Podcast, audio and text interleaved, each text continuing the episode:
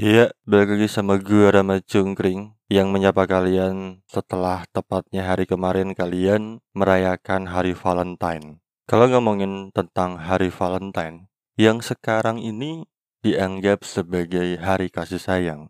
Harusnya kalian tahu dong bahwa sejarah hari Valentine itu kayak gimana. Atau mungkin kalian gak tahu sejarah hari Valentine itu kayak gimana. Bahwa pada kenyataannya ada sejarah kelam di balik hari Valentine. Nama Valentine diambil dari seorang pendeta yang bernama Santo Valentinus, yang saat itu dipenggal karena dianggap menentang aturan Kaisar Claudius yang melarang pernikahan karena dianggap jadi penghalang para laki-laki buat jadi pasukan Romawi. Santo Valentinus meninggal atas nama cinta pada tanggal 14 Februari di tahun 270-an Masehi. Dan mungkin karena itu juga tanggal 14 Februari ini dianggap sebagai hari kasih sayang. Walaupun setelah gua baca-baca, gak ada yang benar-benar menjelaskan kenapa akhirnya di masa sekarang tanggal 14 Februari menjadi hari kasih sayang. Tapi selain sejarah kelam tentang hari Valentine, gue ada satu cerita yang menurut sebagian orang mungkin ini menyedihkan.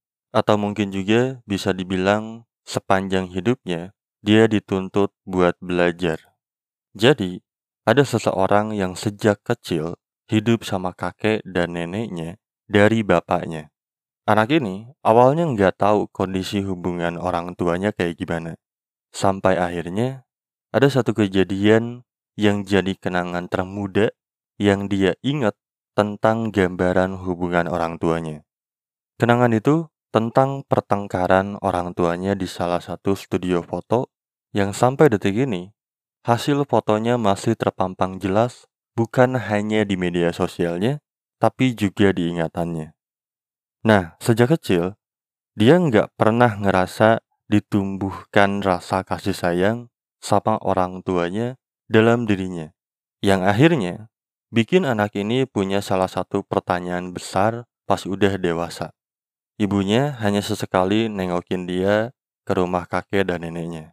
Sedangkan bapaknya, dia hampir nggak inget apa bapaknya ini pernah nengokin dia atau enggak. Sampai akhirnya, memori buruk dia mungkin bisa dibilang bertambah. Karena dia nyaksiin langsung bapaknya menyerahkan ibunya ke orang tuanya. Saat itu, dia nggak tahu apa yang dia rasain. Hidupnya emang tetap berjalan normal, setidaknya sampai umur dia 15 tahun. Karena setelah itu, dia ngerasa betapa nggak enaknya tinggal satu atap sama seorang ibu yang ngerasa dihianati sama suaminya. Tahun-tahun pertama tinggal sama ibunya, yang dia bisa rasain hanya sebuah kebencian, kemarahan, terkadang caci maki, dan juga sebuah kepala dengan ego yang sangat tinggi dan keras kepala. Yang dia bisa lakuin saat itu cuman mendem apa yang dia rasain sendirian. Karena di tahun yang sama, saat dia pertama kali pindah dari rumah kakeknya, satu-satunya wanita yang dia cintai berpulang dengan meninggalkan rasa bersalah yang mendalam. Kemalangannya nggak berhenti di situ aja.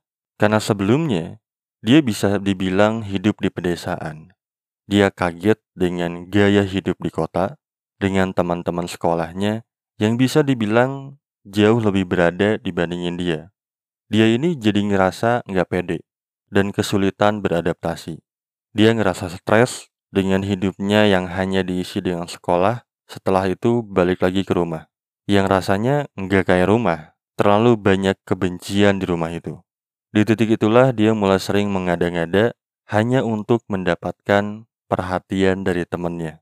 Dan saat teman-teman di sekolahnya tetap nggak peduli, akhirnya dia menciptakan sebuah kebohongan besar dalam pikirannya selama bertahun-tahun. Seiring berjalannya waktu, dia beranjak dewasa. Udah terlalu banyak perdebatan yang dia hadapi sama ibunya dan terkadang sama bapaknya. Dengan segala rasa kecewa dan sakit hatinya yang dia dapetin dari keluarganya, ada satu titik jatuh yang paling dalam. Ini tentang kepercayaan dia yang dihianati sama wanita yang pernah ada dalam hidupnya, yang bikin dia sempat gak percaya dengan sebuah komitmen. Beberapa tahun setelah kehancuran komitmen itu, akhirnya dia sadar satu hal tentang sebuah perpisahan bahwa kalau itu adalah pilihan yang terbaik dari yang terburuk, maka biarkanlah dan relakanlah. Setelah itu, di tahun 2019, dengan segala lika-liku perjalanan hidupnya, dia ngerasa udah berdamai dengan masa lalunya. Dia bilang, dia bersyukur orang tuanya bercerai, karena kalau hidupnya nggak pernah melewati itu semua, mungkin dia nggak akan pernah ada di titik saat itu. Tapi dua tahun setelah statement itu, ada seseorang yang nampar dia dengan kata-kata dalam sebuah obrolan. Katanya, kita itu kadang ngerasa udah berdamai dengan diri sendiri atau masa lalu. Padahal, kita belum ngelakuin apa-apa. Dan ya, setelah dengar kata-kata itu, dia sadar bahwa ternyata dia belum selesai. Dan selang satu hari setelah obrolan itu, dia mulai menyelesaikan apa yang emang harus dia selesaikan. Dengan salah satu cara, dia akhirnya mengakui sebuah kebohongan besar yang udah dia lakuin selama lebih dari 12 tahun yang hanya dia dan Tuhan yang tahu tentang kebohongan itu. Setelah itu, dia mulai mengingat beberapa hal, bahwa salah satu hal besar yang belum selesai itu tentang bapaknya sendiri. Dia coba buat flashback selama hidupnya. Dia nggak pernah menuntut apa pun ke bapaknya. Tapi bapaknya, setidaknya beberapa tahun belakangan ini, selalu menuntut haknya ke dia.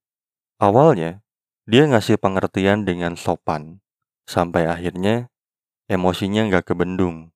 Saking emosinya, dia hampir pernah beradu tangan sama bapaknya sendiri. Selain itu, Bapaknya selalu ngerasa bahwa anak ini hanya memperdulikan bapak sambungnya karena bisa ngasih apa pun yang anak ini minta. Perdebatan itu nggak pernah benar-benar selesai. Bapaknya cukup sering ngeblok kontaknya anak ini. Bahkan pernah ada omongan bahwa anak ini bukan anaknya lagi. Anak ini akhirnya bisa dibilang benar-benar muak dengan sikap itu karena dia ngerasa selalu dituntut buat ngasih hak bapaknya, tapi nggak pernah mendapatkan apa yang menjadi haknya, yang mana itu adalah tanggung jawab bapaknya. Dan di sinilah sebuah pertanyaan besar dalam hidupnya benar-benar dipertanyakan. Apakah dia akan sedih atau bahkan menangis saat orang tuanya telah berpulang? Dan kalian tahu, anak itu adalah gue. Dan itulah salah satu konflik dalam diri gue yang belum selesai sampai sekarang. Gue akan menyelesaikannya, jelas, walaupun gue belum tahu kapan konflik ini bakal benar-benar selesai. Saat ini, yang gue butuhkan hanya cerita, hanya sharing ke kalian, dan terlepas dari itu semua, buat kalian juga yang mau berbagi keresahan kalian, Entah itu tentang kemarahan kalian kepada seseorang, entah itu tentang kerinduan kalian sama seseorang, baik itu orang yang masih ada tapi kalian udah lama gak ketemu, atau bahkan orang itu udah berpulang, atau mungkin buat kalian yang punya keresahan apa pun, atau kebahagiaan apa pun yang pengen cerita, kalian boleh cerita di sini. Kenapa gue ngajak kalian bercerita di sini? Karena gue percaya bahwa dengan bercerita, setidaknya kita bakalan lega. Walaupun gak menyelesaikan masalah, tapi kalau buat gue, bahagia sendiri buat apa? Resah sendiri itu kan gak nyaman. Gue Rama Cungring, pamit undur diri. Tete.